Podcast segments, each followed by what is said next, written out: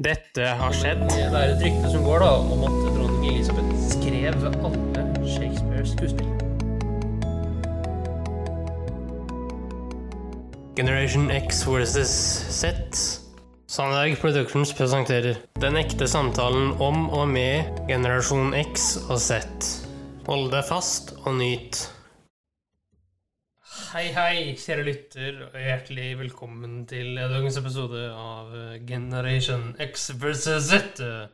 Og i dag, kjære kompadre, så skal vi snakke om en uh, veldig ukjent eh, del av uh, andre verdenskrig, sett med norske øyne. Ja, i hvert fall oppgjøret av den, vel, sånn sirkus. Ja, landsvikoppgjøret landssvikoppgjøret og deler av annen verdenskrig. Hvem skal vi snakke om, Henrik? Vi skal snakke om en mann som het for Arne Brå Saatvedt. Hva er det med han, da?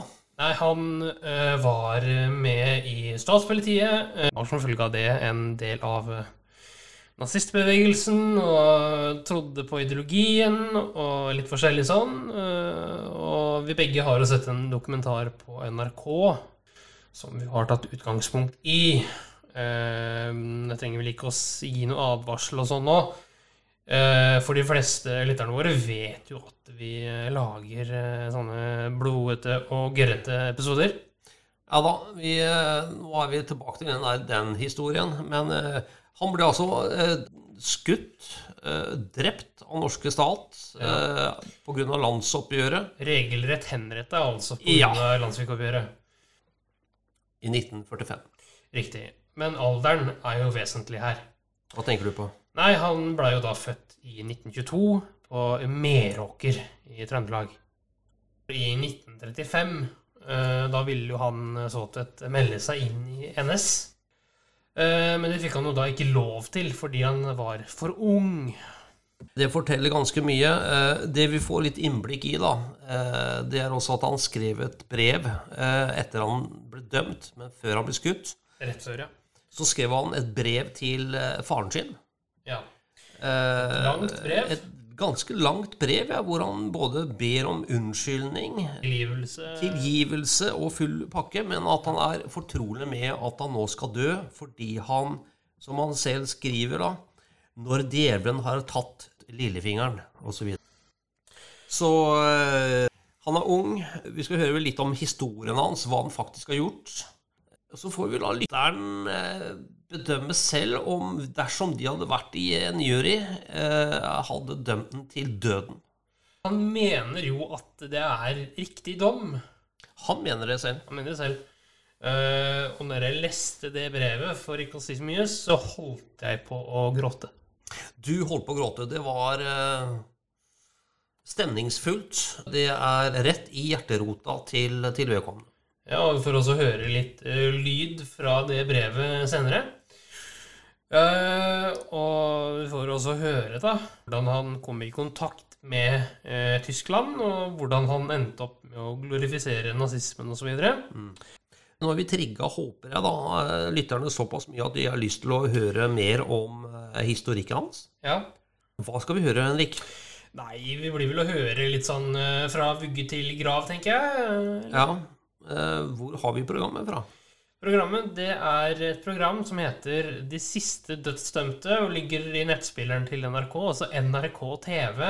Er tilgjengelig over hele verden til enhver tid. Så bare gå inn og uh, sjekk det ut. Og eh, jeg kan også linke til det i episodebeskrivelsen. da. Så vi kjører på. Yes.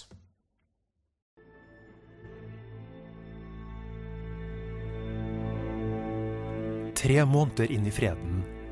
Forræderen over alle, Vidkun Quisling, skal stå til ansvar. Rettssaken mot Quisling og det store oppgjøret mot landssvikerne engasjerer nordmenn. Denne dagen samles 30 000 demonstranter i hovedstaden. De er redd oppgjøret blir for mildt. Av med silkehanskene. Straff svikerne effektivt og strengt, krever demonstrantene. Man hadde i eh, demonstrasjonstoget bl.a. en galge hvor, hvor det dingler ei, dokke. Eh, Så det var jo klart at man krevde dødsdommer, eh, de som demonstrerte. Engasjement er det også på Lillehammer. Mange folk vil se unge Arne Såtvedt stå for retten, sammen med en annen påstått nazist og torturist. VGs reporter henger seg opp i utseendet på de tiltalte. Man fikk bokstavelig talt et sjokk da de to unge guttene ble ført inn i salen. Sadisten skal jo etter litterær oppfatning ha liten panne og grusom munn og armene skal pendle som på en hårete gorilla. Men disse to guttene er lyse og vakre. 23 år gamle Arne Saatvedt står bl.a. tiltalt for et drap med et omstridt forløp. Samtidig har han et tankesett han ennå tror på. Jeg tror fremdeles på den nasjonalsosialistiske idé, men jeg er meget skuffa over at enkelte av de folka som var satt til å gjennomføre ideen, ikke makta oppgava. Jeg kan fortsatt ikke finne noe ulovlig ved henne som parti. Jeg mener også at det var fullt lovlig av Quisling å overta regjeringsmakta. Hovedproblemet for Såtvedt er jo at han viser ingen anger.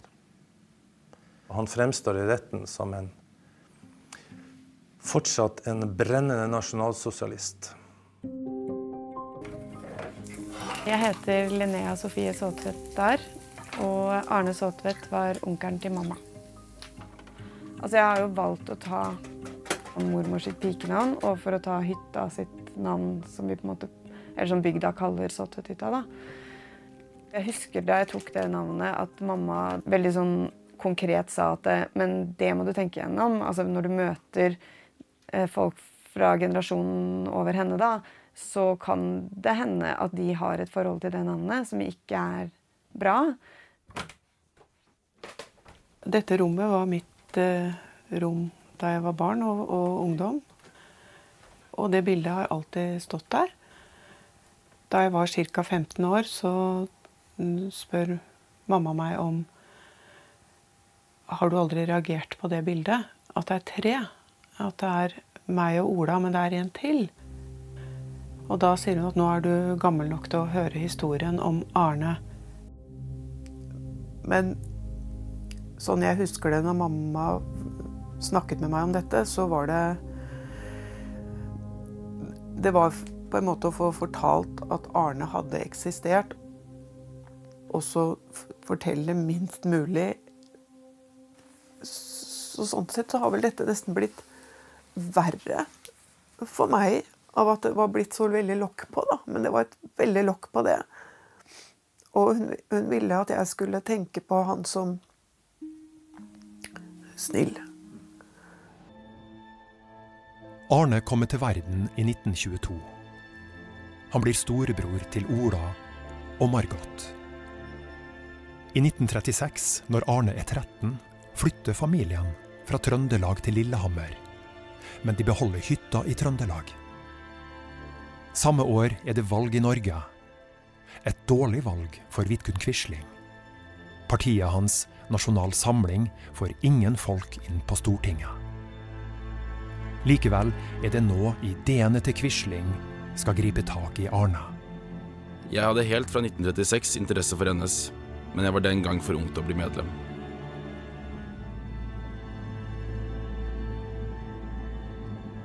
Dette er gamle, ærverdige Lillehammer gymnas. Ja. Så her gikk Arne. Her gikk Arne, ja. Han var en snill gutt, han var en hyggelig gutt. Litt sjenert gutt. Og i mine øyne var han en veldig flott gutt. Han var pen. Flink til å danse og hyggelig. Han møtte opp som de andre elevene og var veldig interessert og i grunnen sporty. Han Arne. Det var en hyggelig, snill elev, syns jeg. På gymnaset får Arne en brevvenn som bor i Tyskland. Adressen har han fått av læreren. Han håper brevskriving vil få Arne bedre i tysk. Brevvennen er med i Hitlerjugend. Arne skal nå mer og mer trekkes mot nazismen og det tyske. I 1939 var jeg med på den frivillige arbeidstjenesten i Vågå. Den var fullstendig nazistisk oppbygget, og vi brukte delvis Hitler-Jugend-uniformer. 9. april 1940. Mens tyskerne invaderer Norge, og Vidkun Quisling gjør statskupp via radio, er 17 år gamle Arne på skolen. Og da satt Arne og jeg etterpå sammen oppe i vinduet her. Og så sier han dette er den lykkeligste dagen i mitt liv. Så sier jeg hvordan kan du mene det? Og så sier han jo, nå blir nasjonalsosialismen innført i Norge. Okkupasjonen har vart et halvt år når Arne og hans mor melder seg inn i Nasjonal Samling. Arne blir også lokal leder i ungdomslaget til NS, det norske motstykket til Hitlerjugend. Jeg fortsatte på skolen, men ble pga. mitt medlemskap fullstendig utstøtt og ble gående aleine. Jeg ble som følge derav bitter. Tross utstøting prøver han å verve flere unge til NS. Men Arne skal gå lenger. 18 år gammel prøver han å bli soldat for tyskerne. Før det var tillatt for utlendinger å melde seg til Wehrmacht, meldte jeg meg frivillig til en enhet ved Lillehammer, men jeg ble ikke godtatt. Så åpner Vidkun Quisling ei dør for Arne. Nazilederen snakker til norsk ungdom med bønn om at de melder seg til tjeneste for Det tredje riket. Men det strider mot den æresfølelse og trang til likeverdighet som bor i ethvert nordisk menneske, at vi ikke selv gjør en innsats når det også gjelder vår egen sikkerhet og vår egen skjebne. Jeg oppfordrer derfor alle unge nordmenn som føler ansvar for fremtiden, til å tre inn som frivillige i regimentet Nordland, for skulder ved skulder med de tyske kamerater, og gå åpent og aktivt inn for nyordningen i Europa og for Det germanske forbund. Jeg tror ganske mange unge norske nazister så opp til han. Og jeg tror også det er vanskelig for oss i dag å skjønne helt effekten av, eh, av NS-propaganda.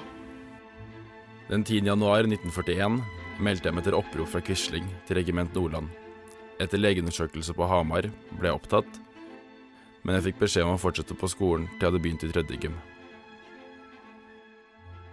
Hvordan kan en 16-17-åring ta som sitter her og går på skolen her og har dette miljøet, hvordan kan han gjøre det valget han gjorde?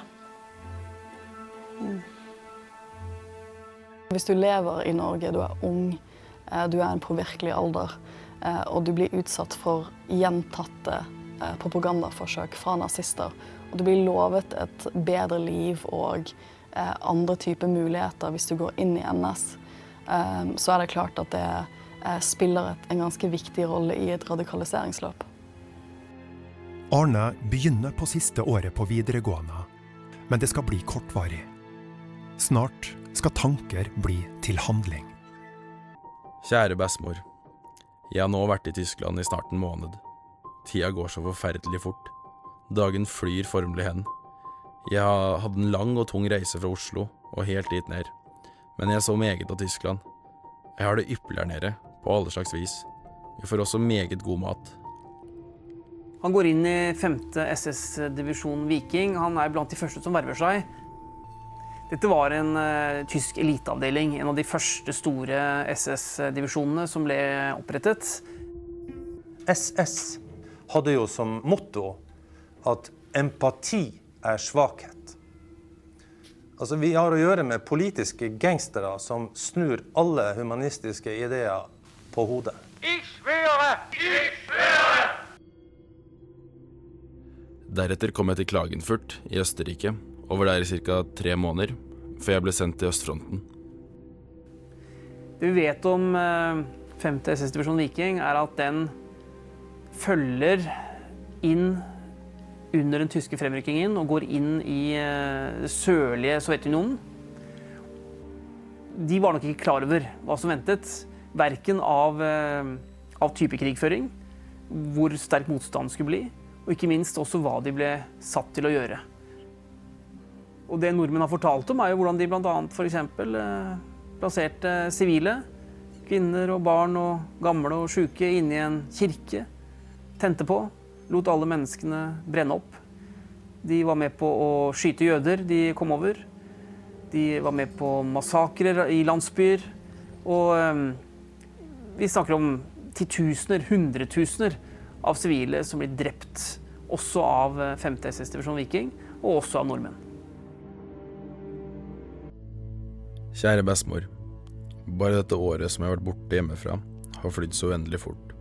Og i dette året har jeg kommet flere tusen kilometer fra hjemlandet, og lært andre land og andre mennesker å kjenne. Mange gode bekjentskap, og også mange dårlige, naturligvis. For tida er jeg lettere såra og ligger på et lasarett, men jeg reiser snart herfra, tilbake til kompaniet. Så kommer jeg til å feire også den andre jula mi borte fra mine kjære på Lillehammer. Men det har jo alt sin hensikt. Jeg håper at du er sunn og frisk, og at vi alle sammen kan treffes igjen neste sommer, i hytta. Det er mens Arne er på østfronten at den norske regjeringen i London innfører dødsstraff mot folk som på grovt vis bedrar landet sitt. Samtidig øker Quisling makten sin hjemme i Norge.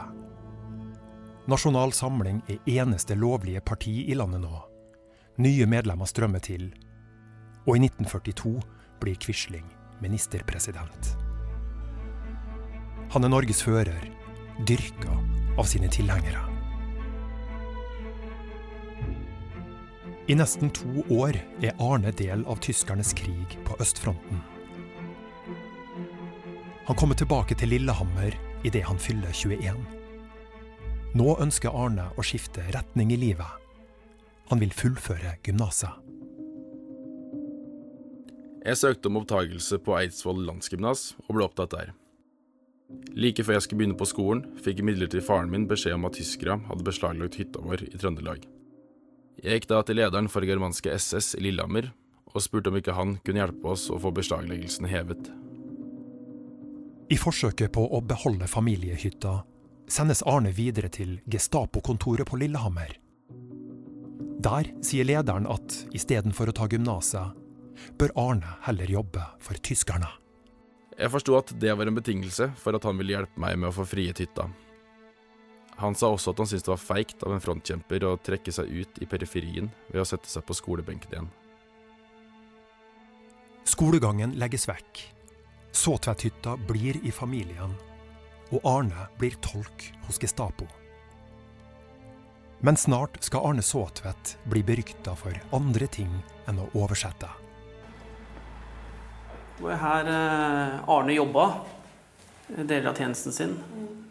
Det var hit de tok med seg eh, personer de hadde arrestert. Og det som ofte skjedde, var at Arne sammen med kollegaer de kom inn i cella her sånn. Det kunne være kanskje tidlig på kvelden. Og gjennom en hel natt, 12-14 timer, kanskje enda lengre, så bandt de da folk, som oftest menn, men også kvinner, fast i f.eks. en stol med håndjern. Så slo de og slo og slo helt til det kom en innrømmelse. Det var nesten det samme hva de innrømte, bare det kom en tilståelse. Det var det de ble målt på, at de oppnådde resultater. Det vi vet om Arne, og det, er litt sånn, det skiller han litt fra en del andre tjenestemenn i sikkerhetspolitiet, det er at han var ung, men veldig aktiv. Veldig offensiv i det han gjorde. Vi ser mange nordmenn på hans alder, altså i begynnelsen og midten av 20-årene, de har også utført mange av de samme handlingene, men de har vært mer passive, de har blitt kommandert til det. Mens det vi vet ut fra vitneforklaringene, er at Arne har en mye mer aktiv rolle. Han tar ledelsen. Hvis du havna i av avhør med Arne Brå Saatvedt, Mm. så ble du, ble du torturert Mm. og mishandlet. Det var mønsteret. Arne Saatvedt er sendt til bygda Otta nord i Gudbrandsdalen. Otta er et strategisk knutepunkt på veiene mellom nord og sør, øst og vest. Tyskerne vil ha kontroll. Nå jakter de norske motstandsfolk som er aktive i området. Arnes oppdrag er å fange Ola Bismo, få ham til avhør. Bismo er hjemme hos foreldra sine denne dagen, når Arne Saatvedt kommer til døra. Han hadde eh, ridebukse og høye lærstøvler. Og så hadde han ei grå jakke. Men på hodet tror ikke han hadde noen ting. Han gjorde så sterkt et inntrykk på meg med disse harde øynene. Sjøl om det var en pen mann, en gutt, så hadde han et, en harde øyne. Det var tre skudd. Han ble skutt i magen? Ja. Og eh, da segna jo biss om og ligger på gulvet. Begynner jo et avhør inni der. Og, ja, og de begynner å romstere rundt for å finne bevis, sjølsagt. Jeg forsøkte å hjelpe Olav da jeg forsto at han var såret, og ville legge en pute under hodet på ham. Såtvedt sa da at han behøvde ingen pute. Han slo meg da tre ganger med batongen over øret og sparket meg på venstre ben en fem-seks ganger. Han brukte gummikølle og slo. Så trommehinna sprakk på mange kanter, så hørte de ikke ordentlig på høyre øre etterpå det. Gikk så doktoren med nesten hele vinteren med denne foten og dette øra. Krigen er slutt. Norge er frigjort. Nå starter jakten på fiendens hjelpere. Arne Såtvedt flykter fra Lillehammer sammen med andre norske Gestapo-menn. I Oslo er spillet over for Arnes inspirator Quisling. Etter ti dager på flukt arresteres Arne Såtvedt, sammen med Gestapo-kollega Per Oppegård. På Lillehammer er festsalen i den gamle banken gjort om til rettslokale. Her fylles det opp av folk som vil se når torturistene Såtvedt og Oppegård skal inn. Her var det kø for å høre på denne rettssaken. Ja. De slapp inn 50 av gangen. Per Oppegård, som eh, ble dømt samtidig med han, han fikk livsvare. Og han eh, hadde i grunnen flaks under rettssaken. Han kunne like gjerne fått samme straffen. Men et trekk ved Arne her var jo at han sto for det han hadde gjort. Han gråt ikke og bar seg og skyldte ikke på dårlige foreldre og sånn. Per Oppegård. Han eh, gråt og sa eh, at eh, familieforholdene hjemme var dårlige, faren var slem. Så han fikk antagelig da rett, mer sympati i retten, da. Kan ikke forklare det på annen måte. Han kunne like gjerne fått like streng straff. På tredje dag har retten bestemt seg. Arne Såtvedt kjennes skyldig i sju tilfeller av tortur og overlagt drap på Ola Bismo. En dommer vil ha fengselsstraff også for Arne. Men flertallet er uenig. 23-åringen dømmes til døden. Arne Såtvedt ser ut til å ta dødsdommen med fatning. Men hvordan selve henrettelsen skal foregå, veit han lite om. To dager etter dommen står en liten notis i avisene. Dødsdommen over Reidar Haaland fullbyrdet ved skyting. Ingen detaljer utover notisen om den første henrettelsen i rettsoppgjøret. Noe av det mest fascinerende med praktiseringen av dødsstraff etter 1945 er det at den skjer innhyllet i hemmelighet. Og dette står jo i skarp kontrast til hvordan praksis var tidligere med dødsstraffen, hvor dette skjedde i full offentlighet. Så kan man jo spørre seg, hvis dødsstraffen var et folkekrav, hvorfor ble den ikke da også utført i full offentlighet etter 1945? Jeg tror at myndighetene skammet seg. Man skulle ikke henrette mennesker. Nei. Så gjorde vi det likevel. På Lillehammer har Arne Såtvedt prøvd å ta livet sitt, melder politiet. De omtaler den dødsdømte fangen som temmelig nedbrutt. Nå overføres Arne til dødscelle i Oslo. Der får han melding om at anken til Høyesterett er avslått. Dødsdommen er endelig. Arnes far gjør nå et siste forsøk. Han bønnfaller konge og regjering om at de bruker retten sin til å la sønnen få leve. Til kongen. Jeg ber om barmhjertighet for ham, slik at han må gis en sjanse til et bedre liv videre. Han er jo så ung, og han er snill og god. Jeg ber også om benådning for ham av hensyn til hans to søsken, og frykter for at en dødsdom for Arne vil bli et hardt slag for dem. Særlig for min lille datter Margot, bare 19 år. Oi! Jeg har aldri liksom sett så nærbilde av han. Ja. Det bildet har ikke jeg sett heller. Hvor fant du dette nå? Inni der? Alt er ja. inni der. Her. Oi. Til min lille kjære søster Margot, til minne om din broder. Med inderlig takk for hva du har vært for meg. Åh. Og for de lykkelige år vi har hatt sammen. Under vår oppvekst og barndom. Din bror Arne. Er det mulig? På kvelden 19. oktober får Arne Såtvedt vite at nådesøknaden er avslått. Norge har nå straffa flere nordmenn med døden. Og enda har det store rettsoppgjøret bare så vidt begynt. Ja, du har uh, hørt litt mer enn hva lytterne har lyttet til nå. Men ja. fra ditt ståsted og den tiden vi lever i nå Mm. uh, Det er vanskelig å beskrive hvordan man hadde følt og opplevd og sett det i sammenheng med det samme året freden kom, altså 1945. Ja. Mm. Eh, Her var også veldig mye følelser involvert, eh, Mm. selvfølgelig. Nå er du snart 23 år. Ja, jeg blir jo 23 når dette slippes, jeg. Ja, du gjør det. Eh. Og det var da han Såtvedt ble drept. Ja, Han ble skutt. han, eh, når han var 23. Eh, Hva tenker du? Nei, Fikk jeg- en rettferdig dom? Jeg, jeg satt jo og tenkte litt, da. Sånn litt sånn smålig eksistensielt at oi, nå har jeg levd ut han, liksom. Hvis jeg lever et år til nå, så har jeg levd ut han, og det er litt sånn rart å tenke på.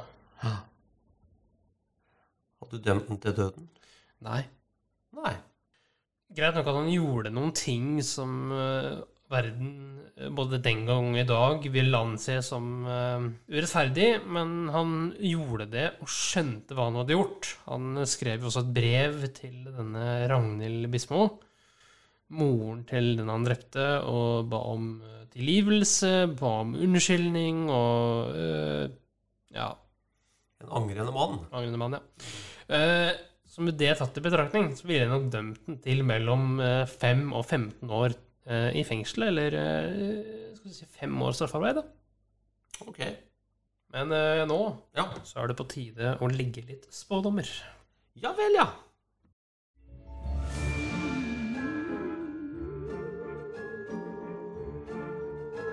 Ok.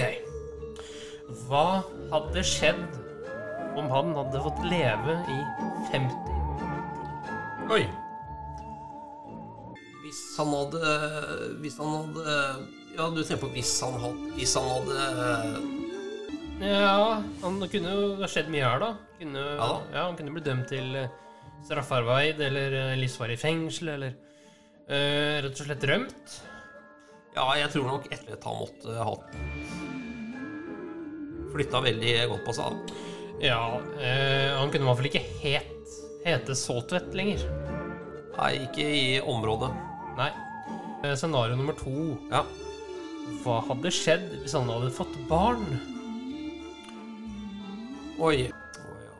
Jeg syns mer synd på barna, jeg. Det er rent teoretisk. Ja, det er rent teoretisk. Nei, jeg tror eh, det er vanskelig å sette seg inn i. Hva tenker du?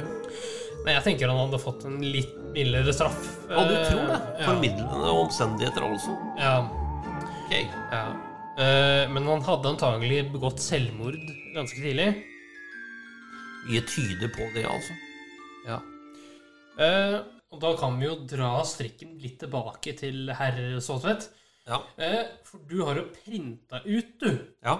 det berømte brevet vi har nevnt eh, så mye nå. Ja, det har jeg. Eh, er det noe der eh, som du kunne tenkt deg å leste opp? Åh, det er ganske så mye. Det er ganske så mye. Skal du bare ta hele brevet, eller? Eh, ja, jeg kan jo ta hele brevet. Eh, to måneder før han eh, ble eh, skutt, Og eh, den ble skrevet 21. august 1945. Ja, kjør. Min egen kjære far. Tusen takk for brevet for deg som jeg fikk gjennom M, altså søster. Deg. Ikke for deg. Hæ? Fra deg. Margot. Er det Margot? Fikk gjennom Margot. Margot. Jeg fikk tilfeldigvis tidligere høre at du hadde fått et nervesammenbrudd og var blitt innbrakt på Sanderud sykehus. Det var fryktelig vondt for meg, dette, men jeg har nå fått rede på at uh, Margaret og Margot? Margot og Ole? Ole, som begge har besøkt meg, at du har blitt meget bedre. Du vet ikke hvor glad jeg er over at du er på bedringens vei. Du skjønner, far, de trenger råd og veiledning ut fra din livserfaring, og jeg vil be deg ta deg sammen for deres skyld. Jeg vet, far, at du ikke har vært deg selv siden mor døde. Det var et hardt slag for oss alle, mest for deg. Og når så dette med meg kommer, dette som må komme, kjære far, så ber jeg deg også ta dette med ro og besindighet. For mine søskens skyld og for mor. Jeg har unngått en total sinnsforandring, en fantast og en fanatiker har jeg vært. Jeg trodde på denne ideologien, på denne livsinnstillingen. Jeg trodde jeg hadde kjempet meg fram til den rette oppfatning av et mønstersamfunn, og jeg var så forblindet og oppglødd i denne lære at jeg mente det var riktig å sette livet på spill med frontinnsats for å yte mitt mest mulig til gjennomføringen av dette. Likedan bisto jeg Gestapo med min innsats. Her var jeg midt inne i kampsonen og de nedbrytende krefter som har satt sitt preg på dette system. Jeg så det til slutt, men fornektet meg selv på grunn av en plagsom stolthet, og så fikk jeg sanne ordspråket når djevelen har fått lillefingeren, osv. Du skjønner, far, at jeg i dag uten press, men ved overbevisning med nakne fakta er jeg kommet fram til denne erkjennelse, og at jeg er straffskyldig, endog til å dø. Jeg sitter her helt tom, uten illusjoner. Jeg vet jeg skal dø, gå bort med det første, og jeg er glad for det. Du, far, kjenner mitt sinn og syn på naturen etisk sett. Du vet jeg kunne ikke greie å sitte i fengsel i 20 år, 10 år eller 5 år, og det eneste jeg eventuelt kunne hatt en liten sjanse til å oppnå ved en revidering av straffeutmålingen, var livsvarig fengsel. Far, jeg håper du skjønner meg nå, jeg vil gå bort nå. Sjansene har vært der mange ganger tidligere, og det er et under at det ikke har skjedd før. Jeg ville bare snakke med deg først for at du skulle vite min innstilling. Jeg håper du kommer hurtig gjennom dette, min kjære far, og så får dere tre holde sammen i den første harde tiden som sikkert vil komme for dere. Men ved Guds hjelp vil dere greie det.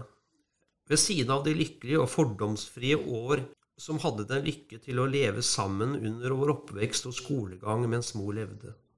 Det er disse lyse memoarer som har holdt meg oppe, og skaffet meg den sinnsro som har brakt meg igjen disse siste dagene. Så vil jeg be deg, min egen far, om min uforbeholden unnskyldning for det jeg har pådratt ditt gode navn gjennom min naive, subjektive og ungdommelige fanatisme, og har kastet meg ut i dette ragnarok. Jeg vet det er en unnskyldning, men jeg vil du skal se at viljen er der. Jeg kunne hørt på dine råd om å gå på skole. Unnskyld meg, jeg kunne ikke bevege meg i periferien. Jeg måtte finne meg i midtsatsen og offerets sentrum, og der ble jeg da også til slutt. Det høres kanskje ut som martyrium, men det er det ikke det. Det er et foster av naivitet, oppglødd fanatisme og egenrådighet. Som følge av det tap av illusjon, straff, død. Kjære, kjære far, jeg vet at du skjønner meg, og at du tar dette rolig. Så vil jeg, min kjære far, takke deg for det du har vært for meg, og hva du har gitt meg. Jeg skylder deg så inderlig meget som jeg ikke kan uttrykke i ord, og jeg fikk aldri vist det som jeg skulle. Jeg som har så meget å be deg om unnskyldning for, jeg ønsker deg alt godt. Takk for alt, far. En siste hilsen Arne. Det er sterkt. Ja, det er det jo. Eh, Det går jo inn i eh, rota, det. Det går inn i rota, det, ja. Men nå ønsker jeg deg en herlig ettermiddag, Henrik, og god kveld. Og så eh, høres vi snart igjen. Det blir fint. Tusen takk for nå, gutten min. Takk for nå. Tusen takk for at du fulgte oss. Gi gjerne tilbakemelding, likes eller kommentar på Facebook-siden vår Generation X versus Z.